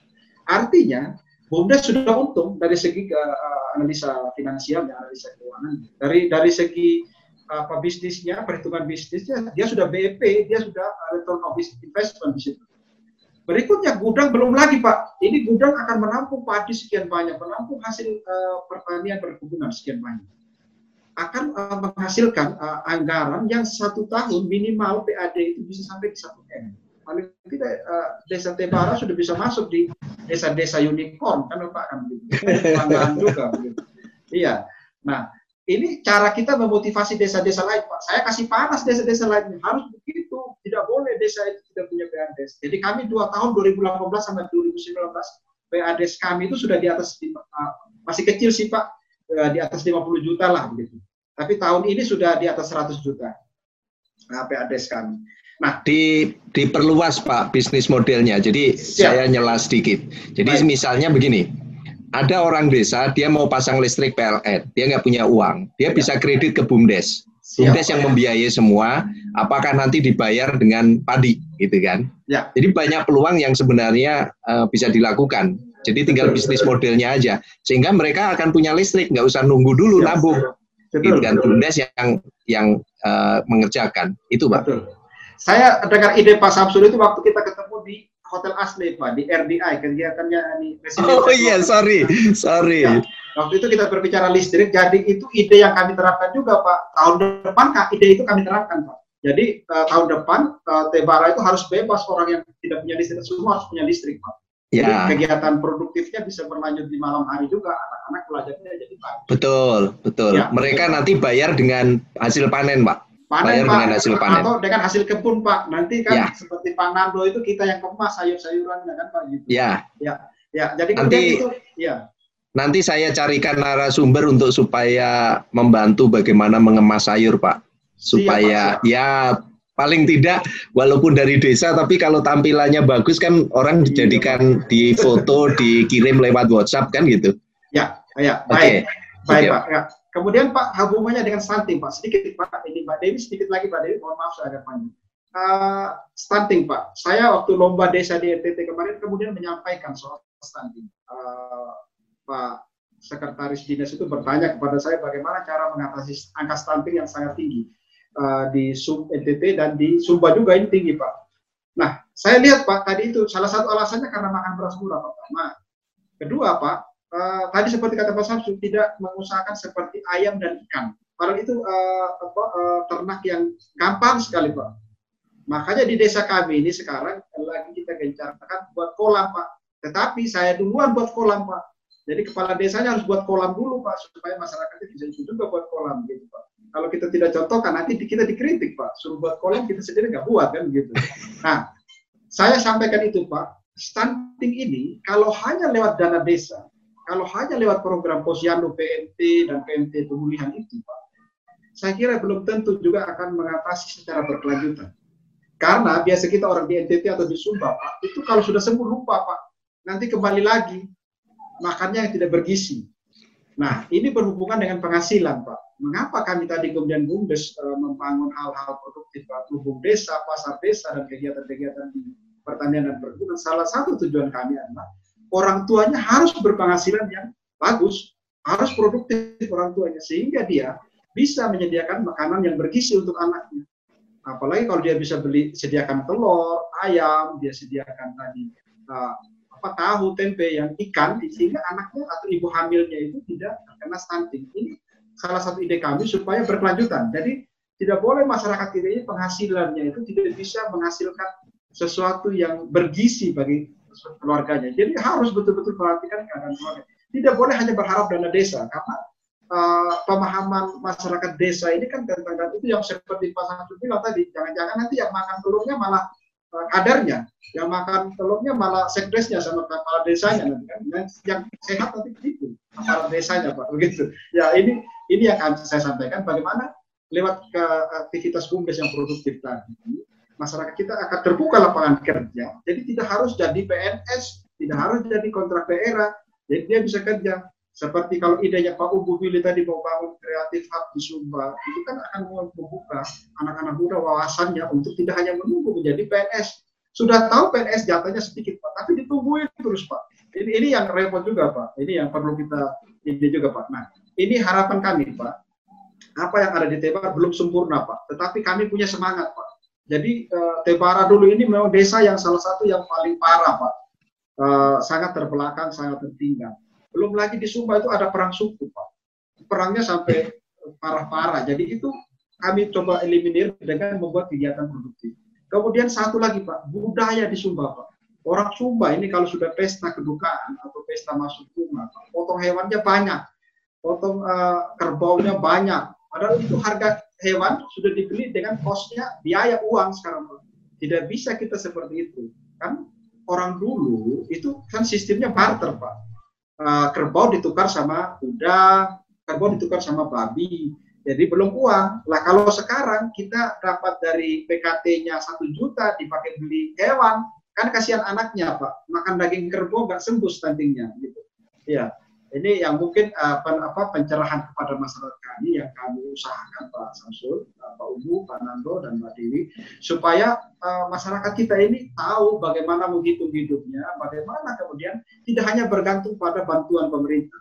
Dia harus mulai dari sekarang mempersiapkan hidupnya, termasuk bagaimana manajemen keuangan ini, bagaimana meningkatkan kesejahteraan hidupnya, bagaimana dia punya penghasilan yang ketika terjadi keadaan seperti sekarang ini dia tidak kalah dengan keadaan. Karena menurut saya orang yang sakit itu ya uh, terkena dampak itu karena memang dia nyerah pak, dia nyerah dengan keadaan. Akhirnya ya sudah, meskipun nggak terkena virus corona pak, dia tetap sakit pak karena? Karena memang sudah kalah dengan keadaan, putus asa dia pak. Nah, mungkin itu semangat dari kami dari Sumba, Pak, yang harapan kami teman-teman desa yang ada di NTT dan di Indonesia bisa juga berbagi dengan kami, bukan kami sempurna, tetapi kami ingin berbagi. Kebetulan ini ide ini sudah kami bagi sampai di Samosir, Pak. Jadi uh, kami ingin teman-teman di Indonesia juga banyak uh, uh, membangun potensi desanya masing-masing sesuai dengan karakter kewilayahannya masing-masing. Dan saya kira hak subsidiaritas itu sangat uh, dan apa uh, rekognisi itu, rekognisi dan subsidi itu sangat membantu kita di desa. Artinya desa bisa menentukan potensi apa yang harus dia kembangkan sesuai dengan karakter wilayah dan kewenangan lokal yang berada di desa. Saya kira itu uh, Pak Samsul, terima kasih untuk uh, pencerahannya kepada kami, Pak Dewi, Pak Upu, dan Pak Nando. Saya kembalikan ke Terima kasih. Oke, terima kasih banyak Pak Martin atas penjelasannya luar biasa. Ternyata ini ya, jadi ada satu gebrakan yang luar biasa dari kepala desa Tebara gitu. Ini terkait dengan hal-hal yang jauh sifatnya lebih visioner, bukan hanya bergantung pada dana desa dari pemerintah terkait dengan pandemi COVID-19 ini. Ada banyak hal yang dioptimalkan, termasuk peran BUMDes ya Pak ya, yang memang uh, orientasinya untuk mengunggulkan komoditi lokal dan sudah dipikirkan juga secara mendetail oleh Bapak Martin gitu terkait dengan lumbung desa, terkait dengan pemasaran hal-hal yang dihasilkan oleh masyarakat setempat dan hal-hal lain juga yang telah dipersiapkan juga oleh masyarakat sehingga di masa krisis saat ini tidak terlalu terdampak yang begitu besar ya, tidak hanya bergantung pada bantuan dari pemerintah. Ini juga saya rasa ada cerita menarik mungkin terkait ini, terkait dengan inovasi ketahanan pangan dari Kak Nando di Deto Soko Barat Kak dengan uh, pertanian hortikulturnya. Seperti apa Kak Nando mungkin bisa cerita Kak? Uh, baik, uh, untuk uh, dapur kita sendiri sebenarnya satu konsep yang muncul berangkat dari masalah. Uh-huh. Jadi uh, kami selalu melihat bagaimana uh, masalah itu bisa kita carikan solusi bersama. Apalagi yang pertama sudah lockdown. Ada beberapa uh, kabupaten kita yang dulunya selalu membeli uh, sayur-sayuran dari kita, dari tempatnya kita, misalnya dari Maumere, dari Larantuka itu sudah tertutup, tertutup aksesnya tadi. Jadi sudah nggak menyerap lagi hasil-hasil pertanian untuk bisa terjual keluar. Lalu yang kedua juga pasar harian, eh, pasar mingguan itu sudah uh, diagendakan untuk tutup. Dengan adanya ini juga di ND juga sudah mulai agak sedikit uh, para pembeli juga mulai tingkat kesadaran makin tinggi, orang sudah susah untuk pergi ke pasar. Nah, tapi mama-mama ini kita coba fasilitasi membuat konsep dapur kita ini uh, sebagai template yang berawal coba-coba dulu soal soal komplitnya seperti apa sih berbelakangan. Uh, kita berkolaborasi dengan uh, Keuskupan Agung ND COVID tanggap COVID-19 melalui uh, gereja dan kebetulan ada uh, bekerja sama dengan uh, desa karena sebelumnya kita sudah buat di sini tempat karantina mandiri. Saya kolaborasi di desa dengan pastor paroki uh, buat karantina mandiri untuk mereka yang ODP. Bahkan sebelum uh, ND omong tentang zero terkait dengan yang masih awal-awal tentang COVID bulan-bulan Maret, saya sudah buat uh, karantina mandiri menggunakan uh, aula sus, uh, aula asrama putri yang tidak dipakai. Dan uh, di situ memang uh, karantina mandiri dan uh, mereka selama 14 hari memang di situ karena terjadi penolakan terhadap uh, sama saudara kita yang datang dari dari luar, misalnya dari Bali, dari ini, uh, khususnya juga anak-anak kita, karena pemahaman juga di masyarakat juga uh, simpang siur tentang COVID ini seperti apa, saya rasa hal yang yang wajar tetapi uh, kita mencoba mengalokasikan dan akhirnya selama 14 hari mereka kita kolaborasi, kolaborasi juga dengan kesehatan selalu periksa dan setelah itu bisa lolos dari situ. Dan konsep tentang dapur kita sendiri uh, kami mengakomodir pertama sayur-sayuran yang di sekitar desa saja melalui jalur bumdes.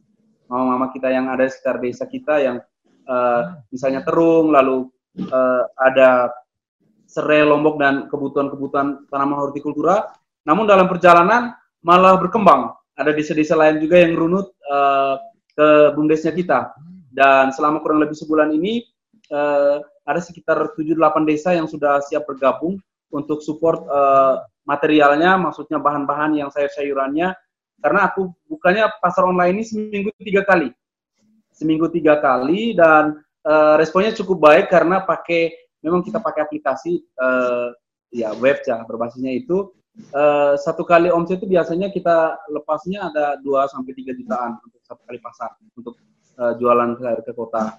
Dan um, selama seminggu tiga kali, lalu kami berpikir karena di kecamatan tempat di mana saya tinggal juga menjadi pusat pasar uh, di wilayah.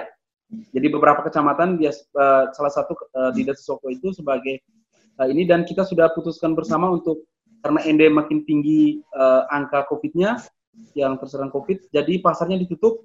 Solusinya kita buat lapak desa. Jadi kemarin dengan Cama dengan para kepala-kepala desa itu, karena kami berada di daerah daerah uh, sentral, kita inisiatif untuk uh, beberapa desa membuat lapak desa itu sebagai bagian dari bagaimana uh, sayur-sayuran petani atau produksi mereka bisa pajangkan di situ mungkin mereka yang para pengendara dan sekian itu bisa membeli sayur-sayuran yang ada untuk kebutuhan harian dari lapak desa. Di Soko sendiri kami sudah buat uh, lapak desa sendiri. Jadi untuk jangkauan untuk pasar online kita uh, melalui dapur kita untuk mereka yang di kota, sedangkan yang uh, yang tidak terjangkau kita siapkan melalui lapak desa itu sendiri untuk jualan sayur-sayuran lain uh, yang ada. Lalu terkait dengan uh, ini juga karena kami tidak bisa sendiri bergerak dengan kepikepan dengan gereja untuk bisa berkolaborasi bersama dan ini untuk kebutuhan-kebutuhan harian yang ada dari kita ke supportnya ke kota. Ini membangun dari desa ini. Jadi tagline-nya tadi uh, Bapak Samsul sampaikan eh, harus bergerak mulainya dari desa kita mencoba itu. Lalu yang kedua juga kami lagi rencana berkolaborasi dengan melalui Bundes dengan Bulog untuk membeli kebutuhan sembako yang kita tidak ada di desa. Itu melalui Bumdes. Jadi ada berasnya, bimoli dan lain sebagainya. Ada beberapa. Jadi bisa mengakomodir karena dari sesuai dengan tupoksi yang kita dapatkan informasi hanya mereka layani hanya bumdes. Kalau perorangan dan lain mereka nggak layani dari bulog. Nah ini kita ya. lagi supaya support kebutuhan kayak minyak, lalu minyak tanah dan lain sebagainya, sehingga semuanya dari uh, kebutuhan masyarakat mereka tidak perlu keluar, tidak perlu untuk membeli, tetapi cukup mengambilnya kita dari bumdes saja untuk kebutuhan uh, harian di dapur. Lalu uh, berkaitan dengan uh, tadi dengan stunting dan ini memang di desa kita sudah ada inisiatif konsepnya dapur hidup. Itu kemarin kami uh, kolaborasi dengan kader-kader posyandu dengan ibu-ibu balita yang anaknya di bawah 2 tahun. Kita fasilitasi untuk uh, membuat dapur hidup di tiap rumah itu wajib membuat pekerangan di pekerangan rumahnya itu wajib membuat untuk uh, ini suplai kebutuhan makanan anaknya sayur sehat.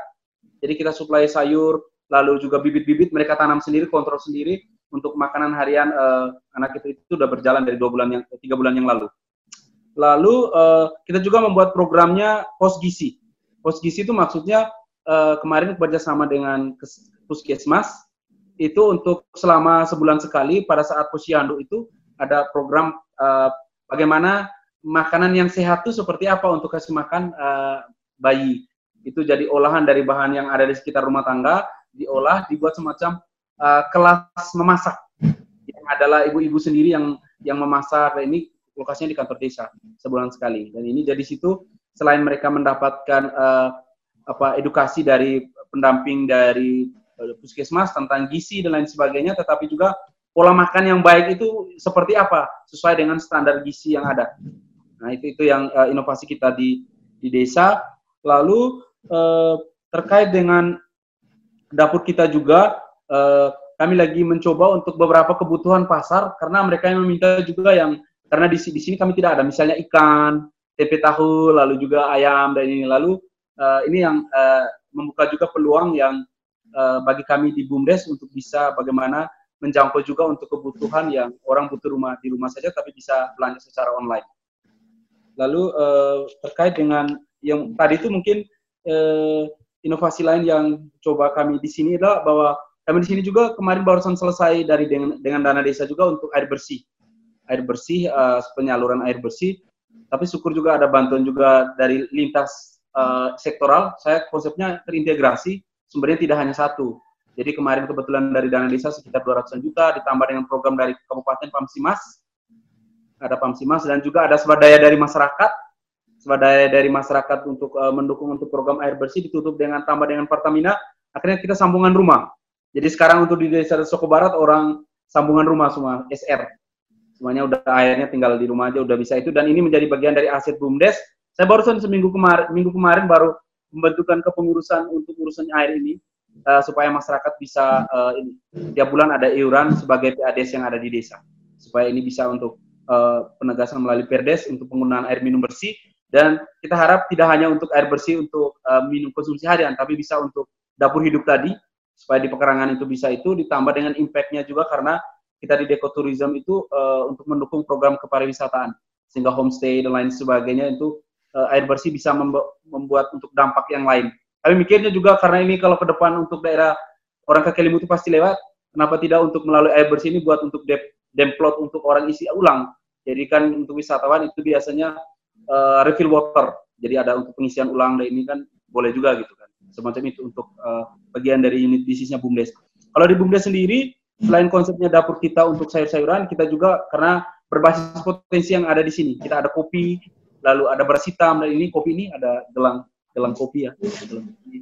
Ini aroma orang yang lagi capek dan ini yang lagi corona tinggal cium gini udah aromanya udah bisa segar. Lalu ada pengharum ruangan dan ini untuk uh, usaha-usaha kita yang ada di Bumdes.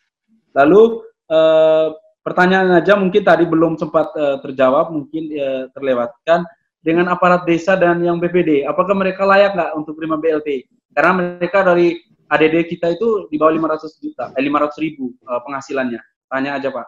Memang secara regulasi di situ tidak termasuk dengan aparat desa. Tapi aparat desa untuk kaur oke. Okay. Kaur, lalu kepala desa, sekdes. Tapi yang kepala dusun gimana? Karena kami di, di desa di kabupaten ini masih di bawah 500 juta. Eh 500 ribu, sorry. 500 ribu.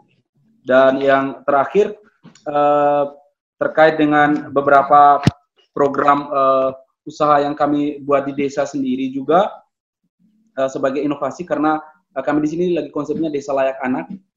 Jadi Desa Layak Anak kemarin untuk penanganan COVID itu selain kami siapkan karantina mandiri, lalu yang kedua juga untuk melalui konsep dapur kita, yang ketiga itu uh, kami siapkan juga untuk pelayanan untuk pendidikan melalui uh, peminjaman buku, buku secara bergilir, kerjasama dengan uh, perpustakaan daerah. Jadi per dua mingguan di rolling, sehingga anak-anak masih tetap bisa baca buku, bisa uh, aktivitas untuk bacaan untuk terkait dengan uh, COVID-19. Dan uh, begini Pak, Pak Samsul, kami di desa ini saya agak sedikit cemas karena sumber untuk bantuan di desa itu akan tinggi, akan banyak, bukan hanya tupoksi dari dana desa aja. Jadi apa APBD 1, APBD 2, belum lagi dari Kemensos, lalu lagi mungkin dari yang pihak yang lain. Uh, makanya uh, saya di desa sendiri itu memang real berbasis data supaya tidak tumpang tindih. Jangan sampai ada yang pendobelan. Ini kan misalnya kemarin saya baru dapat uh, dari Kitong Bisa, Yayasan Kitong Bisa untuk uh, uh, membantu untuk sekitar 100 uh, eh, orang bukan hanya di desaku, uh, juga desa lain untuk membantu ibu hamil untuk suplai uh, sembako untuk mereka. Memang basis berbasis datanya ada di desa terintegrasi sehingga tidak tumpang tindih, ada yang 600 ribu yang itu, ada yang PKH yang ada ini, dan supaya jangan sampai nama yang sama masuk juga ke dua sumber uh, bantuan. Uh, lalu yang terakhir Pak, uh, kalau boleh kami minta informasi terkait dengan karena saat ini nih kami satu persen dana desa itu belum masuk ke rekening, jadi membantu orang tetapi tahap pertama juga belum cair. Jadi waduh ini memang susah juga ini. Ini bensinnya belum ada untuk bisa jalan ini jadi kami mungkin itu aja Pak informasinya. Satu dua kendala yang mungkin dengan bahwa mereka bisa mendukung karena mungkin dari sisi regulasi di pihak yang lebih tinggi mereka yang lebih paham. Hanya kami di desa ya sejauh yang bisa berinovasi yang ada di bawah kami lakukan. Mungkin itu Pak sementara. Terima kasih uh, Kanando atas penjelasannya terkait dengan inovasi ketahanan pangan di yaitu Soko Barat, dan juga beberapa hal yang masih menjadi kendala juga ya terkait dengan sistem penyaluran BLT dana desa. Tadi telah disampaikan juga tentang inovasi ketahanan pangannya, memang sangat memanfaatkan peran e, BUMDes seperti itu ya. Karena memang kalau kita tahu juga banyak peran BUMDes yang atau program BUMDes yang masih mangkrak gitu ya Pak Samsul ya di beberapa desa gitu dan e, syukurnya dua kepala desa ini bisa menggerakkan peran BUMDes itu dengan sangat e, potensial melihat potensi-potensi lokal dan juga uh, mengatasi masalah yang memang dari dulu menjadi masalah di desa-desa NTT seperti terkait gizi, stunting dan lain sebagainya. Dan mungkin Pak Samsul ketika menjelaskan nanti bisa berawal dari penjelasan dulu Pak terkait dengan BLT dana desa, karena ada pertanyaan dari Kanando juga, bagaimana dengan aparatur desa termasuk kepala dusun ya, apakah mendapatkan bantuan langsung tunai ini karena mereka berpenghasilan kurang dari 500 ribu per bulan, termasuk juga tumpang tindih data yang masih ditanyakan. Dan masalah utamanya adalah Kanando ini belum mendapatkan rekening desanya ini dana desa Pak yang dari awal Pak. Bagaimana bisa menyalurkan BLT ketika dana desa mereka pun belum dapat sampai saat ini. Silakan Pak Samsul. Ya. Uh, terima kasih Dewi. Jadi uh, untuk yang kenapa belum cair uh, nanti setelah acara saya minta nomor teleponnya lewat Dewi, uh, nomornya Nandu. Saya, saya lupa saya ada atau tidak. Uh, nanti saya coba uh, dalami lebih detail gitu ya. Tetapi sebenarnya uh, ada beberapa lokasi yang sebenarnya dana desanya udah hampir habis, hampir habis untuk tahap satu gitu kan. Mereka malah nunggu tahap dua gitu kan, karena mereka nggak bisa nyairin BLT uh, dana desa karena ternyata dana desa tahap satunya udah duluan, udah cepat selesai. Uh, gini, uh, saya tidak menjawab uh, secara spesifik apakah itu aparatur desa, apakah itu uh, kepala dusun karena karakternya berbeda-beda. Ada daerah yang memang mereka sudah cukup lumayan. Jadi dilihatnya adalah dari basis kemiskinan sebenarnya. Dilihatnya dari situ. Tetapi gini, ini ada resiko yang cukup tinggi. Jadi pemerintah pusat tidak bisa mengatur dengan uh, karakter per masing-masing uh, desa. Karena kalau di Jawa uh, kepala desa itu dapatnya sekitar 10 hektar kalau nggak salah. Itu kelas 1. Jadi di Jawa itu setahun dia bisa dapat 70 juta untuk uh, sawah aja gitu ya, untuk sawah. Jadi untuk sawah karena memang sawah mereka 10 hektar itu kelas 1. Jadi itu yang disebut oleh Mas Martin tadi uh, tanah bengkok.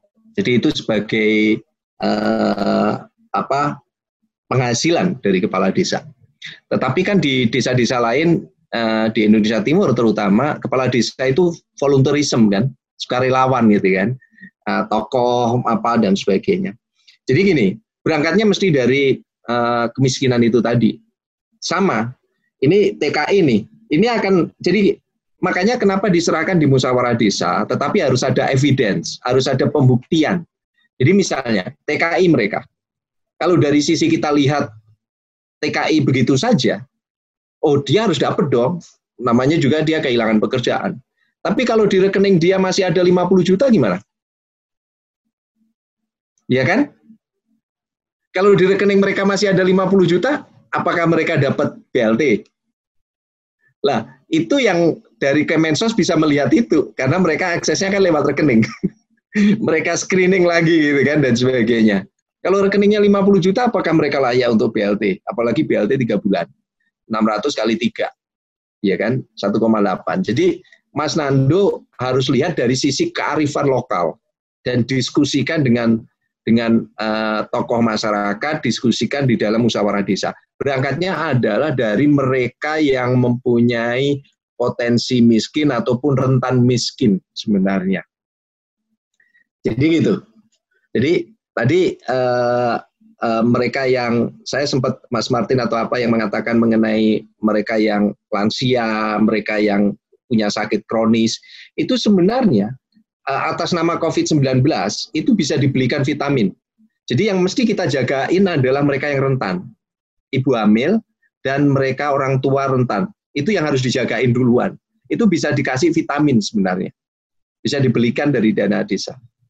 Nah, jadi saya tidak mengatakan oh aparatur bisa. Nanti salah salah ini, salah operasionalisasinya. Guru bisa, tetapi dilihat dari uh, kemiskinan mereka gitu loh kan dilihat dari kemiskinan mereka di dalam kondisi seperti ini. Lah itu harus dibuktikan. Jadi ada penjelasan di dalam berita acara kenapa dimasukkan sehingga nanti jangan sampai orang melihat kan tadi eh, aparat pengawas melihat ya mereka kan melihat hitam putih, tetapi kalau ada penjelasan kan berarti ada penguat itu kan. Kalau enggak ya kasihan juga kan mereka kan gitu.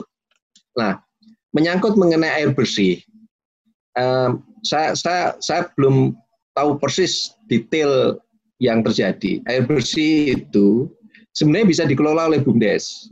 Jadi mereka yang berbayar itu adalah mereka yang ditarik sampai hidran ke rumahnya.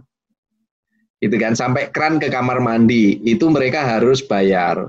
Mereka yang tidak mampu bayar, jangan sampai mereka tidak punya pelayanan. Yang mereka tidak mampu bayar dibuatkan hidran umum gitu kan. Nah, kalau mereka nanti bisa bisa saja ini model dengan listrik yang tadi Mas Martin tadi mau sampaikan. Bisa aja dipasangin hidran sampai ke ke kamar mandi mereka semuanya nanti diangsur apakah diangsur dari sayur atau apa dan sebagainya kan gitu. Jadi ada banyak meka, banyak hal yang sebenarnya bisa dilakukan. Yang penting kan sebenarnya fairness. Nah, ke depan sebenarnya gini, ini BUMDes ini kalau jalan sangat bagus. Ke depan Mas Martin ataupun teman-teman kepala desa di uh, Sumba ataupun di Flores, Mas Nando, jangan ada bantuan dari pemerintah itu yang disimpan di kelompok. Usahakan, misalnya ada bantuan traktor, simpan itu di BUMDes. Apakah nanti dia bayar sewa kalau dari desa setempat bayarnya lebih murah, kalau ada desa lain yang menyewa agak lebih mahal misalnya dan sebagainya. Sehingga suatu saat BUMDes ini punya aset. Jadi punya aset. Jadi mesti harus harus dilihat dari sisi itu. Lah, tadi misalnya Bulog mau kalau lewat BUMDes, itu uh, uh, Mas Nando ambil uh, bahan bahan pokok dari Bulog. Itu mesti dicek nanti apakah baliknya bawa sayur sehingga akan mem, me, mempermudah logistik kan gitu atau ke, kalau perlu ditawarkan juga ke, ke ke karyawan bulog. Karyawannya kan banyak juga mereka karena kan banyak pekerjaan jemur padi giling padi dan sebagainya ditawarkan dengan sayur itu. Jadi mereka ngedrop sembako baliknya mereka bawa sayur gitu kan. Jadi harus dipasin jadwalnya supaya efisien. Jadi kreativitas kreativitas di sini. Dan nanti saya habis lebaran tertarik Mas Martin untuk cerita lebih detail mengenai uh, uh, apa lumbung desa. Karena itu itu lama saya cerita banyak mengenai lumbung desa. Gitu kan harapannya ini bisa muncul kembali dan NTT yang paling potensi di Jawa susah pak. Di Jawa udah kebanyakan Indomaret pak. Jadi mereka udah nggak bisa lagi. Tapi kalau di NTT lumbung desa sangat ini. Makanya pengalaman untuk bikin itu terutama juga pasar desa plus yang Mas Nando tadi bisa jual ke desa lain, lapak desa, saya nanti minta untuk jadi narasumber gitu kan. Nanti kita undang desa-desa yang lain, pemda-pemda yang lain. Saya pikir, saya pikir itu gitu ya. Uh, pertanyaan-pertanyaan tadi dan udah terjawab semua. Terima kasih. Oke, terima kasih Pak Samsul. Atas penjelasannya gitu. Tadi kita sudah mendengar beberapa gebrakan inovatif yang dimiliki oleh kepala desa ini dari Desa Soko Barat dan juga dari Tebara gitu. Kira-kira untuk ke depannya Pak ini masih terkait dengan pandemi COVID-19 gitu. Selain dengan ada kebijakan tentang bantuan langsung tunai, eh, apakah ada kebijakan nanti yang lebih berorientasi pada inovasi ketahanan pangan Pak? Ini terkait dengan periode ke depannya untuk masa pandemi ini Pak, supaya nanti Se bisa. Ya, sebenarnya beberapa kali diskusi jadi kebetulan saya diminta untuk pimpin tim untuk ketahanan pangan dan uh, pemulihan ekonomi. Jadi pemulihan ekonomi uh, uh, dan juga untuk uh, ketahanan pangan. Nah, model ketahanan pangan itu ke timur yang saya punya daftar indeks ketahanan pangan. Nah, indeks ketahanan pangan ini adalah kemandirian mereka menyediakan pangan dan juga aksesibilitas.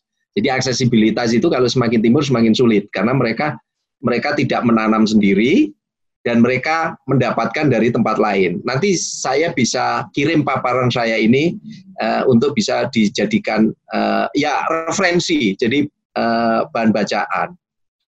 Nah, cuma memang kayaknya menarik kalau kita bicara mengenai kemandirian pangan di level desa yang perlu kita rumuskan konsepnya.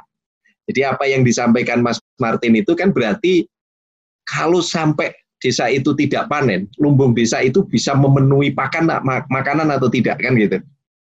Nah itu kayaknya perlu dihitung gitu kan. Tersedia kalau kuda kan nggak mungkin disembelih kan Pak ya. Tersedia ayam berapa gitu kan, babi berapa, terus uh, kerbau berapa, terus lumbung uh, desanya berapa, sayur berapa kan gitu. Jadi kalau misalnya lockdown desa itu lama, kira-kira mau mampu bertahan berapa lama. Saya pikir itu satu hal yang menarik dan perlu kita rumuskan, uh, Mas Martin. Jadi sampai sekarang keputusan pemerintah masih sampai bulan Juni BLT ini tiga bulan. Jadi harapannya uh, ini masih bisa dihandle setelah itu. Kita kami belum belum tahu. Tetapi apa yang disampaikan oleh Mas Nando itu beyond. Ya artinya kalau memang uh, Tebara dan Mas Martin di Sumba bisa seperti itu, nggak ada pengaruhnya sampai kapan pun. Karena memang yang pertama kan gini, situasinya grafiknya begini. Saat ini harga jatuh. Saat ini harga jatuh. Kalau yang menjelang lebaran ini anomali aja, harga jatuh karena logistik. Kan jadi aneh tadi dari ND tidak bisa ngirim ke uh, Flores Timur ke Maumere. Padahal untuk bahan pangan mestinya boleh penuhin aja mobil pickup itu sayur, kirimkan nggak mungkin dicegat. Mereka mereka diperiksa oke, okay. tapi mestinya bisa. Tetapi orang kan nggak mau ambil resiko. Orang udah nggak mau ambil resiko gitu kan, macam-macam informasinya. Nah, uh, arti uh, artinya bahwa apa yang disampaikan yang dilakukan oleh oleh Mas Nando, Mas Martin ini sangat bagus untuk ketahanan pangan. Ini model yang sebenarnya kami cari. Makanya kenapa kami tadi mencari marketplace yang uh, uh, skala desa gitu kan. Uh, Tina bisa diklik untuk yang mungkin klik klik wa.net ataupun uh, rumah wa.net gitu kan atau yang intermoda.id. Ini kan ini yang saya coba cari gitu kan. Bagaimana WA ini lebih handy daripada website. Jadi untuk skala desa gitu kan uh, ini ini lebih handy. Yang yang intermoda itu tadi yang jual boba uh, bubble itu uh, ini. Ini lebih handy dibanding dibanding website. Gitu kan? Nah saya barusan komunikasi dengan mereka. Dia bilang Pak Dodo ini mau saya jual. Oke berapa saya tanya? Antara 500 sampai 1 juta. Berarti kan nanti saya carikan program. Oke kalau teman-teman mau praktekin kita kasih pelatihannya kita kasih ininya. Jadi paket pelatihannya sudah jadi itu. Kalau desa-desa mau mengembangkan ini kan sebenarnya sekarang udah banyak gitu kan dan nggak mahal gitu kan. Ini kan lebih handy dibanding website. Gitu kan dia klik di WA-nya udah oke okay, gitu kan. Lah uh, ini yang saya cari. Kenapa? Karena saya sendiri kan saya kerja sama juga dengan Bukalapak dengan Tokopedia dengan Shopee. Kan nggak mungkin uh, uh, apa ya untuk penjual sayur di desa Tebara gitu kan kita taruh di di Tokopedia itu akan tenggelam itu. Tetapi kalau kebutuhan mereka memenuhi di sekitar Sumba Barat, Sumba Barat Daya, nggak perlu sampai ke sana kecuali kalau memang tenun atau apa gitu kan. Dan itu pun sebenarnya juga ini bisa di link uh, dimunculkan supaya dari wisatawan lokal juga bisa nyari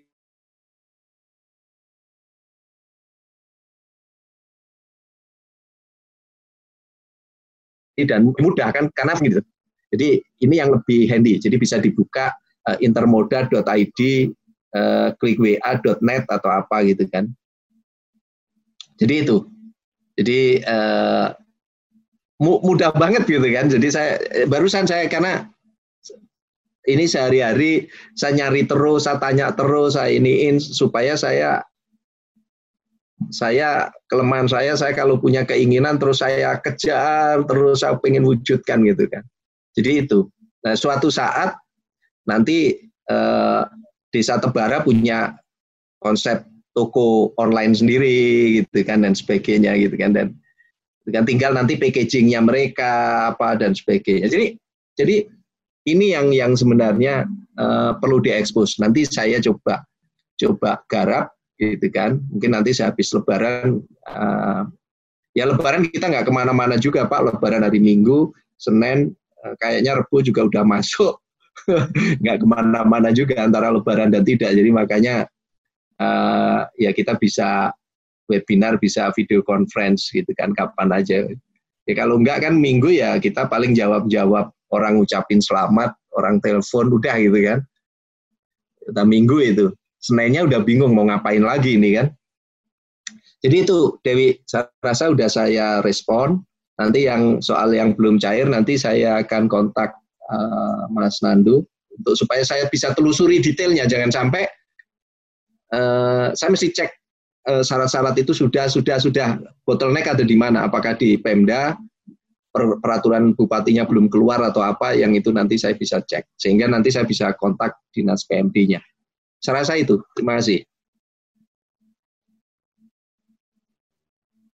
Terima kasih Bapak Samsul Widodo atas penjelasannya. Dan ini juga yang diharapkan ya oleh Itok Suara Sabana bahwa forum ini kemudian akan mencapai satu kejelasan ya terkait dengan BLT uh, eh, dana desa. Semoga bisa memberi satu titik terang barangkali yang masih menjadi kendala di beberapa desa khususnya di NTT dan tadi juga ada pembahasan lebih mendalam terkait dengan beberapa gebrakan yang telah dilakukan oleh Kepala Desa Tebara dan Detu Suko Barat, termasuk sinkronisasi atau data pembanding dan sandingan dari uh, kebijakan yang telah ditetapkan oleh uh, Kemendesa yang sudah disampaikan oleh Pak Samsul Widodo. Semoga nanti kita bisa ada forum-forum berbincang lagi untuk lebih mendetail. Terima kasih Bapak Samsul tadi sudah berbagi uh, referensi juga. Semoga bisa menjadi satu inspirasi juga ya buat uh, kepala desa yang ada di NTT. Sebelum nanti kita tutup, kita masih ingin mendengar uh, respon juga dari CEO Sumba TV gitu, yang barangkali juga memiliki masukan dan gagasan terkait ini, terkait dengan inovasi ketahanan desa yang bisa dioptimalkan di seluruh kepala desa di ND uh, dan juga di NTT. Silakan kamu.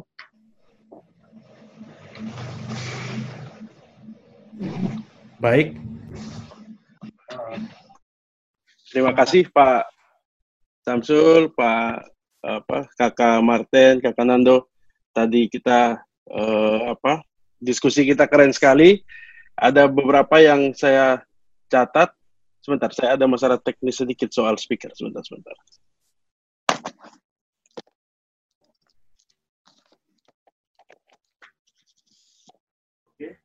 Oke, masuk ya? Oke. Masuk, oke. Oke, jadi uh, diskusi yang menarik sekali dan Uh, saya ucapkan terima kasih kepada semua. Ada beberapa hal yang saya catat, misalnya soal BLT dana desa. Kuncinya ada di akuntabilitas dan transparansi tadi disampaikan oleh Pak Samsul. Umumkan di gereja, di balai desa, dan di media mana pun sehingga masyarakat menjadi tahu. Lalu ada informasi menarik juga untuk perantau, bagaimana yang pulang kampung, karena ini juga jadi pertanyaan banyak pihak lalu efektifkan dana desa, dana desa, lalu uh, musyawarah desa menjadi kunci. Nah, itu yang yang yang saya catat. Lalu tentu yang lebih menarik adalah yang jangka panjang tadi kita bicara tentang ketahanan pangan karena itu sebetulnya adalah uh, ini yang ingin kita pancing memang dari awal bagaimana desa ini menjadi sejak saya bahagia sekali sejak beberapa waktu lalu, beberapa tahun lalu ada dana desa, ada bumdes. Karena ini kan sebetulnya program percepatan bagaimana Indonesia dibangun dari pinggir, tidak lagi terpusat di di Jawa gitu. Dan itu yang kita dorong sejak kita masih uh, sejak saya masih mahasiswa itulah yang kita dorong. Kita membangun tuh harus dari dari dari pinggir, dari daerah gitu. Nah, sekarang dana desa, bumdes dan desa ini kan menjadi menjadi shortcut untuk melakukan itu percepatan. Nah, sehingga saya selalu ingin menyampaikan melalui Sumba TV ini menyampaikan ke banyak orang, terlebih orang-orang di desa, orang-orang di daerah, pemerintah daerah bahwa orang yang tepat ditempatkan di desa, di BUMDes itu akan jadi keren gitu dan ini ada buktinya. Dan nanti pasti akan ditonton nih oleh teman-teman kepala desa yang lain. Saya harap mereka terinspirasi dan kadang-kadang belajar itu kan tidak perlu belajar jauh-jauh.